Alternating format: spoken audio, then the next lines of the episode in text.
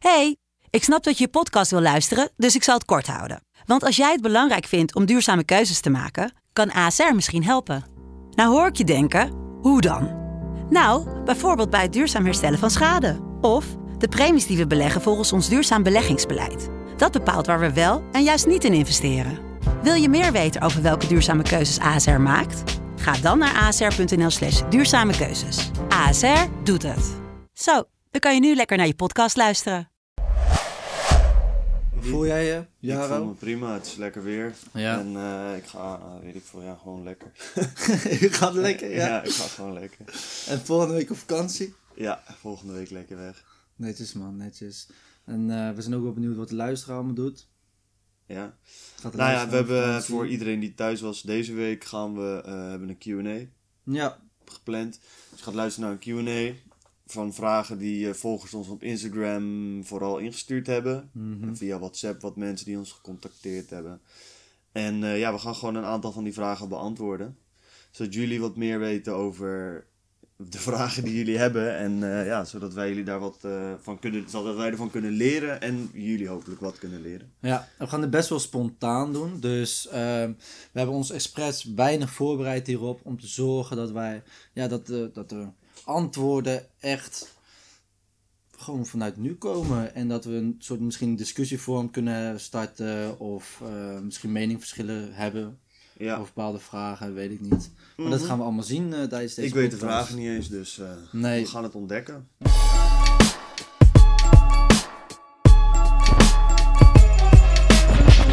Oké, Yes, we hebben via WhatsApp hebben we mensen of nee, via Instagram hebben we mensen vragen gesteld. Daar hebben we een aantal leuke reacties op gehad. Van Ja. verschillende mensen. Koen heeft genoteerd wie, eh, wie dat geweest zijn. Dus als jij dat geweest bent, je hoort hier je naam en dan weet je gelijk dat we jouw vraag voor je beantwoorden. precies. Iedereen die geen vraag heeft gesteld, maar waarschijnlijk wel met vragen zit. Ik denk dat er wel iets langs komt. En als je nou nog andere vragen hebt, weet je, stel ze de volgende keer gewoon in DM of eh, reageer op de stories of dingen. En dan eh, weet je zeker dat jouw vragen ook beantwoord worden. Ja, want En zoals- Want iedereen beticht ons de hele tijd op social media van het feit dat wij niet weten wat we doen.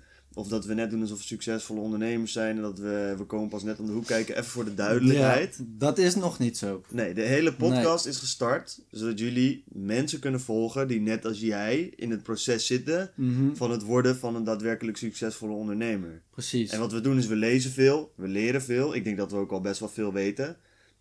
Maar al die mensen die zeggen van ja, jullie hebben geen idee waar je het over hebt. Allereerst, als je dat denkt, ga lekker een andere podcast luisteren. Want we zijn hier vooral voor de mensen die wel iets willen horen. Mhm. En we staan altijd open voor andere eh, kijkpunten. Dus als Ja. jij het anders ziet, weet je, laat dat vooral weten. Maar doe het op een Mhm. opbouwende manier. Want als jij begint met ja, je bent nog een jongboy, je hebt geen idee waar je het over hebt. Ja, dan lees ik je comment gewoon niet. Ja, natuurlijk zijn wel een paar van zulke reacties geweest. Nee, hè. niet veel hoor, maar meer gewoon Maar- dat, zeg maar, dat ik even het concept nog een keer duidelijk wil maken van wat wij hier doen. Ja, zijn wij zijn, belerend. wij zijn, zelfs, wij zijn zelf bezig met de uitdagingen, met ontwikkelingen. Maar Yes. als die mensen ook iets verder kijken dan het plaatje nu, dan... Ze weet, een paar weken geleden hebben we nog piek en dalen gedaan. Waarin we zelf zeggen, oké, we hebben nu de afgelopen vier weken hebben we weer een proces doorgemaakt en dan gaan we delen. Waarin we ook zeggen, oké, dit waren onze uitdagingen van de afgelopen Ja, ja, weken. precies. en dan zeggen we niet van, hé, we, hebben, we hebben alweer zoveel honderden duizenden euro's binnengehaald. Nee, nee. Dus voor iedereen die dat wel denkt, eh, ja, nou ja, hier de waarheid. Het is gewoon dat je met ons meegaat op het avontuur. Ja, En wij leren een hoop en dat proberen we te delen. En als iets niet waar blijkt te zijn, dan eh, weet je, call ons erop en heb het er met ons over. We staan altijd Mhm. open voor gewoon een gesprek of een discussie daarover. Maar dat is ook leuk, hè? En dat misschien ook later als wij dus, eh, als wij later eh, andere ondernemers gaan uitnodigen, zul je zien dat het meer een interactie wordt inderdaad. Omdat wij het zelf ook nog niet 100% weten wat we moeten doen.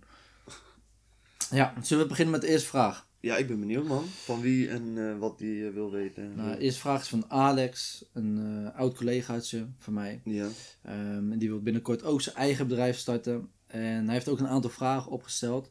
En een van de vragen is wel leuk om mee te beginnen. ja. En dat was, wanneer wist je dat je moest beginnen met ondernemen? Ja, nooit. Ik denk gewoon dat het automatisch is gegaan, man. Ik Mhm. heb altijd al gezegd dat ik geen kantoorbaan wou en eh, dat, ik daar niet, dat ik daar geen zin in had. Of bedoelt hij niet? Bedoelt hij zeg maar, wanneer wist je dat je ondernemer wil zijn? Of wanneer weet je wanneer je je onderneming moet starten? Ja, het is meer van, ik denk, allebei een beetje, want vanuit eh, zijn perspectief, hij is nog geen, hij is wel met concept bezig, maar hij is nog Mhm. niet gestart. Dus ehm, dan kan je wel zeggen van oké, wanneer is het moment dat je letterlijk gaat inschrijven bij de KVK en dan ehm, vol die focus erop gaat leggen. En bij jou, volgens mij, zolang ik jou al ken, ben je al ermee bezig geweest. Hè, toen ik jou ontmoette. Ja. En waarschijnlijk ons eerste gesprek. ehm, toen had je het al over eh, de Suburban Brothers. Ja, hè, je kledingbedrijf, daar had ik een ideetje voor en zo. Ja, maar daar hebben we toen wel uren over geluld. Hè, op een verjaardag van een vriendin Klopt. van ons. Ik was toen trouwens erg dom. Echt geen idee wat ik aan het doen was. Ja, maar ja, dat maakt niet Echt uit. waardeloos. Hè, maar Maar toen, ja, nee, toen heb je, dat was ik was er wel- mee bezig. Ja. Ik wist al dat ik zoiets waarschijnlijk wel wilde doen, ja. En toen heb je mij wel bijvoorbeeld ermee geïnspireerd. Nou, een jaar later of anderhalf jaar later. Toen kwam het ook wat meer in mijn gedachten om daar wat meer te, eh, mee te gaan doen na mijn Mhm. studie. Nu zitten we hier met een kantoor en eh, we zijn allebei fucking lekker bezig. Ja, Dus daar mag je best wel trots op zijn. ja Ehm, zeker. Oké, maar hoe wist je dat je moest beginnen? Oké, je had toen een kledingbedrijf. Hè? ehm, wanneer was je daarmee begonnen? Wanneer had je de beslissing Ik daarvoor had een genomen? tussenjaar. Toen dacht ik van oké, ik ga wat doen. Ik wil dat doen. Dat lijkt me cool. Maar ik heb dat toen helemaal niet goed aangepakt. Want wat ik toen gedaan heb, is ik was veel te gefocust op de dingen die eigenlijk helemaal niks uitmaakten. Ik had helemaal niet een plan. Ik had niet bedacht wat dan mijn waardepropositie was. Wat nou de meerwaarde was die ik mensen kon bieden, weet je wel. Ja. Ik heb daar toen helemaal niet zo heel erg over nagedacht. Dus ik heb, ben dat toen maar gewoon een beetje gaan doen. En wat ik daarna deed, is dat ik... Ik deed eigenlijk niks. Ik deed heel veel dingen. Wat ik, Ja. wat ik merk, wat je vaak merkt bij mensen die een onderneming willen starten, is dat ze heel veel... De dingen die er niet echt toe doen, gaan ze heel veel tijd aan besteden. Dus je gaat heel lang nadenken over een logo. Je gaat heel lang nadenken over een bedrijfsnaam. En daarna ben je al heel lang bezig met het bouwen van de website. Dat zijn allemaal dingen die uiteindelijk geen geld opbrengen. Nee. Terwijl het veel belangrijker is om nou eens daadwerkelijk winkels te gaan benaderen die jouw collectie willen afnemen. Of daadwerkelijk advertenties uit te gaan zetten om je kleding te verkopen. Ik denk dat het heel belangrijk is voor ondernemers die willen starten om zo snel mogelijk ook te gaan beginnen met de dingen die geld op gaan brengen. Want dat is uiteindelijk wat een bedrijf is. Een bedrijf verdient geld. Het is geen goed doel. Mhm. Ja, ik ben het ermee eens. Ik had, eh, wat ik bijvoorbeeld wel altijd leuk vond, was bijvoorbeeld de website opbouwen. Want dan kun je echt je ideeën kan je een beetje concreet maken. Ja. het is leuk, het is Het leuk. is het zijn leuk. allemaal leuke dingen om te doen. Maar, Maar- het, het- krijg Als je er heel binnen. lang in blijft zitten, het levert niets op. Weet je, als ik drie weken nadenk over mijn logo, heb ik drie weken niks verdiend. Mhm, nee. En dat is ook zo. Kijk, ik heb mijn logo toen destijds eh, binnen 10 minuten gemaakt. Juist. Ik had dus een goede site gevonden en ik zag een paar logootjes. En ik dacht van, nou, ik leg het over elkaar heen. Mhm, En de ene, het achtergrond maakt zwart en de voorkant maakt geel. Bam, Juist. het was klaar. Precies. En je hebt daar toch een paar duizend euro mee verdiend, denk ik. Uiteindelijk gewoon. Je hebt er geld mee omgezet, toch? Oh, mega, ja, sowieso. zeg maar, Ja, sinds, ja, dat, ja, sinds dat heb je duizenden euro's omgezet Mhm, met wat je doet. Zou iemand je echt afkeuren op een logo die je hebt gemaakt? Nee, precies. Dat, en dat is heel belangrijk. En kijk, tuurlijk, nu zei ik ook tegen jou van ja, misschien kunnen we een keertje naar dat logo kijken, weet je wel, weer een beetje bijschaven. Maar Mhm. Het heeft niet de prioriteit. De prioriteit had bij jou bijvoorbeeld. Klanten ga hogescholen contacteren. Ga daadwerkelijk bij hogescholen spreken. Weet je wel, dat Mhm. soort dingen. En voor mij, met het kledingbedrijf, toen was het geweest. Ga die website afmaken en ga daadwerkelijk kleding verkopen. In Ja. plaats van maar de hele tijd met allemaal ja, bullshit bezig te zijn. Mhm. En dat is soms best wel lastig, hè? Dat is. ik kan het ook wel een beetje vergelijken met leren. Mhm. Je bent ook heel vaak met leren bezig met eh, de informatie verzamelen, een beetje bij elkaar verzamelen, goed plannen en zorgen dat jij natuurlijk het boek leest. Maar het daadwerkelijk leren, dus zorgen dat de informatie in je hoofd blijft, dat is wel iets wat mensen vaak gewoon niet doen. Nee, dat stellen ze uit. Weet je waarom ik denk dat dat is? Dat is wel grappig. Omdat dat zie ik nu ook hier. is. in dit boek, dit ben ik ook aan het lezen, Mindset van eh, Carol Dweck. Eh, daarin zegt ze van je hebt mensen met een growth mindset en mensen met een eh, fixed mindset.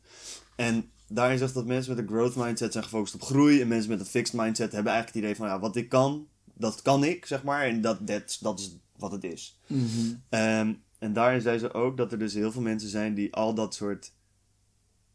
Ja, al het laaghangende fruit plukken, omdat je dan niet echt op je bek kan gaan. Want heel veel dat mensen zijn bang op hun bek te gaan. Op het Mhm. moment dat jij een planning maakt voor leren, of het boek leest, Of Mhm. ik een logo aan het maken ben. Snap je, dat is allemaal veilig. Dat kan niet echt fout gaan. Nee. Maar op het moment dat ik kleding daadwerkelijk ga proberen te verkopen via Facebook En advertenties. er lukt niks. Of het moment dat ik een oefentoets ga maken en het helemaal fout gaat. Dat zijn de momenten dat ik geconfronteerd word met het feit dat ik het niet kan. Nee. Of dat het niet gaat zoals ik wil, weet je wel. En dat is, ik denk dat heel veel mensen dat eng vinden. Ja. Including me. Daarom het ben ik is- dat aan het ontwikkelen. Om dat juist te Mhm. gaan waarderen. Want daar zit de waarde. ja, precies. Maar je ziet niet alleen de waarde, maar daar zit ook de motivatie. Het is hartstikke leuk dat jij alles eromheen helemaal perfect hebt. Mhm. Maar uiteindelijk geeft dat weinig, tenminste weinig motivatie om op een gegeven moment echt door te gaan. Als je ziet dat het geen resultaat oplevert. Voorbeeld, Ja. als jij ziet dat je eh, misschien de eerste drie weken verkoop je geen één product, maar de vierde week eentje. Ja. denk hey, van, die vier, van die ene kan ik straks weer twee maken. Oké, fuck it, het is me nu gelukt, nu moet ik doorpakken. ja, die eerste verkopen bij mijn webshops was ook altijd, dacht ik ook altijd van, ah, ja, ja, weet je wel, dit, het lukt. Ik heb daadwerkelijk iets gemaakt Mhm. wat, waar mensen gewoon geld voor betalen die nog nooit van mij gehoord hebben. Dat is Ja. fucking vet. Mhm. En eh, ja, dat groeit dan uit tot, eh, tot hele dozen vol. Ah! Moet je nog wel verkopen, hè? Oh ja, kut. Ah. Nou ja. Zo zien Nee, we. maar dat, eh, we zijn druk mee bezig hier. ja, het hele kantoor staat vol met een hele nieuwe... Met eh, Jaro's troep. ja, met mijn nieuwe producten die ik allemaal gekocht heb, ingekocht heb. Ja. Maar ehm, Oké. ja, dus simpel gezegd, eh, wanneer is het tijd om eh, te gaan beginnen? Nu, Nu. en met wat? Met de dingen die geld en eh, ja, gewoon die vooruitgang opleveren. Mhm. Dat is het. man. Dus zoek naar je eerste klanten. Kijk, Ja. ik heb met Neurostudent heel veel geluk gehad dat wij ons hadden ingeschreven bij de KVK. Omdat we al wisten dat we onze eerste klant hadden. En daar kregen we een leuk bedrag voor. Ja, Ehm, dus we schreven ons in en eh, na de zomer hadden we gelijk onze eerste opdracht. Nou, en dat was het eigenlijk. Zo zijn we begonnen. Ja, maar is dat geluk? Huh? Je zegt we hadden geluk.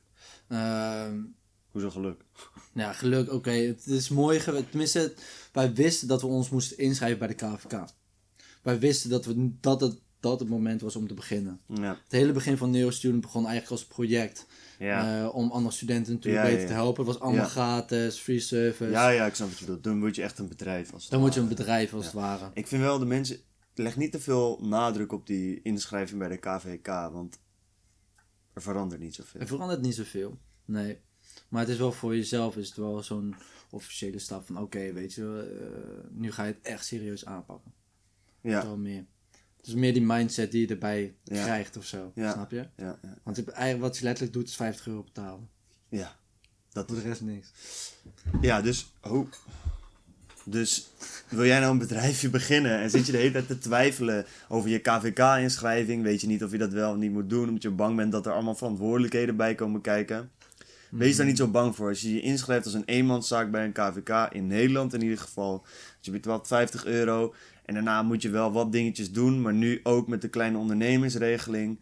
Weet je, je hoeft bijna niks te doen. Je bent zelfs BTW-plichtig, ben je niet tot de 20.000 euro omzet. Dus, weet je, als je zakelijk iets wil gaan doen, ga die KVK gewoon zo snel mogelijk inschrijven. Want dat lijkt altijd een grote stap, maar dat is echt pas het begin. Mhm. Ga zoeken naar betalende klanten. Precies. Dat is wat je wil doen.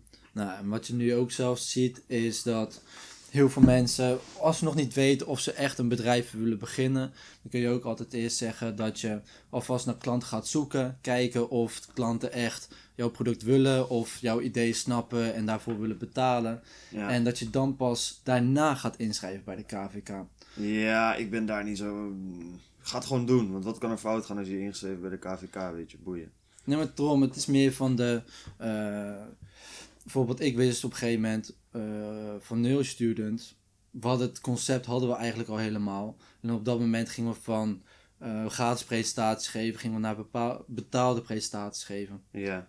Dat was gewoon Ja, eigenlijk oké, de maar dat kan bijvoorbeeld als je online zaken doet, kan dat niet, man. Als je een webshop wil, moet je gewoon een zakelijke rekening hebben. En voor een zakelijke rekening moet je gewoon een KVK-inschrijving hebben. Mhm. Mijn tip is gewoon, ongeacht wat je doet, schrijf je gewoon even in voor de KVK als je er een business van wil maken.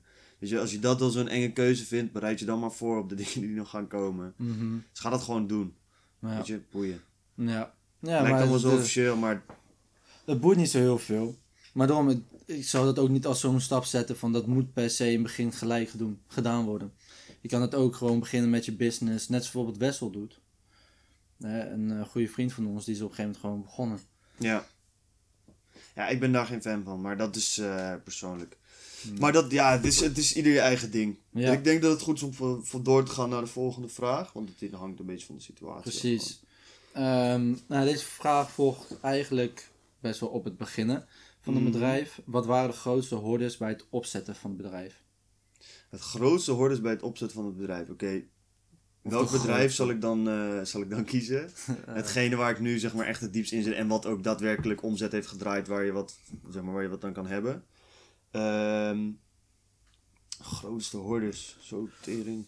Ik denk voor neurostudent ehm vind ik toch wel die eh, maandelijkse instroom van inkomsten kunnen genereren. Wat wij Mhm. dus het eerste jaar qua struggles hebben gezien, is dat je wel losse opdrachten kan krijgen. ehm, waar je leuk voor wordt betaald, wordt betaald. Maar aan de andere kant heb je geen vastigheid. Dus dat kan misschien zeker in het begin. Het kan bij elk bedrijf natuurlijk een beetje anders liggen. Mhm. Ehm, maar het is vervelend dat je niet erop kan vertrouwen dat je elke maand een bepaalde maandelijkse inkomsten krijgt of genereert. Ja. eh, waar je wat mee kan gaan doen. Waar we nu naartoe gaan, hè, na het eerste jaar, komt er meer vastigheid in. Maar zeker in het begin ehm, kun je daar nog niet voor op vertrouwen. Mhm. Bij jouw business niet, nee, nee, klopt. Ehm, wat ik heb is, bij mij is het heel erg communicatie met leveranciers en Hmm. fabrikanten. Mhm. Eh, ik heb nu een heel traject doorgelopen met een fabrikant in eh, Azië met eh, import en productie en alles duidelijk communiceren. Nou ja, dat is, was gewoon een uitdagend traject. En ik kan me heel goed voorstellen dat er anderen zijn die dat ook als uitdagend ervaren. Dus ehm, als je daar vragen over hebt, kan je me altijd contacteren. Want het zijn gewoon kleine dingetjes die je wil weten. Maar dat was voor mij echt een grote horde die ik eindelijk nu ben ik daar overheen.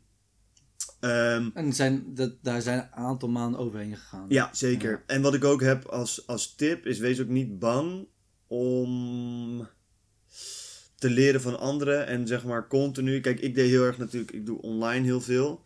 Dus je moet eigenlijk continu nieuwe dingen online gooien van advertenties en zo. En het kan zijn dat je heel lang of heel trots bent op een advertentie, maar dat de reacties 0,0 zijn.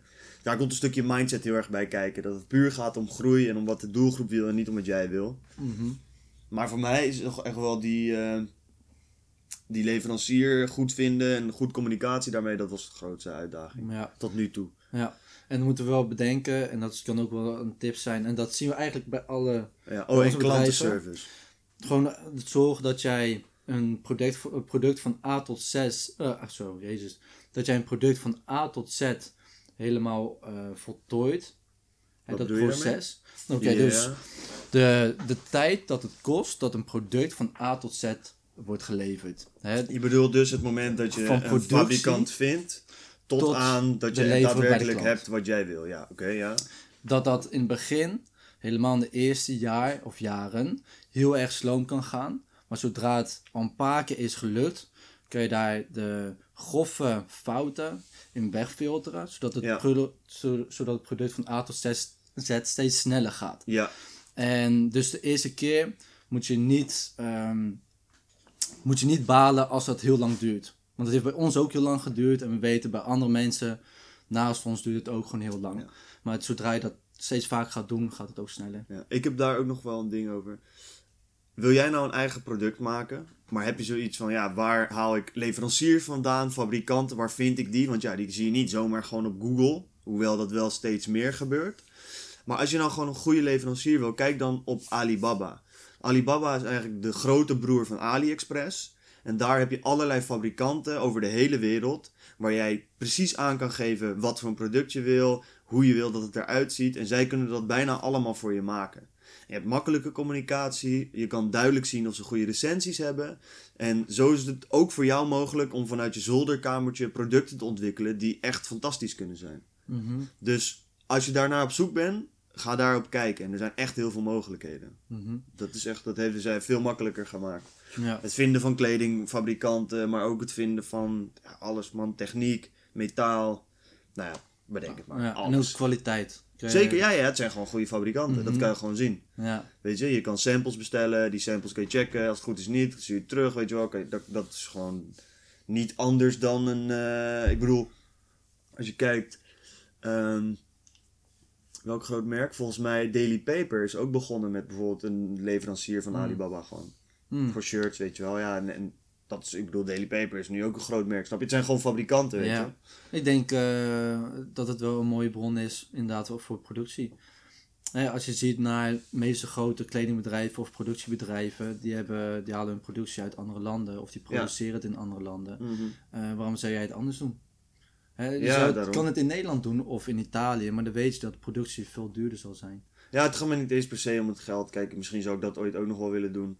Maar dat heb ik gewoon nu niet gevonden. Kijk, er zijn heel veel wegen die naar Rome leiden. Mhm, mhm. Maar, Ligt ook eh, precies aan wat je wilt leveren. en Ja, wat, joh, eh, weet je. Kijk, ik had het gewoon makkelijk. Ik wist gewoon, daar kan ik ze vinden. En daar heb ik Mhm. ze gezocht. Ja, easy.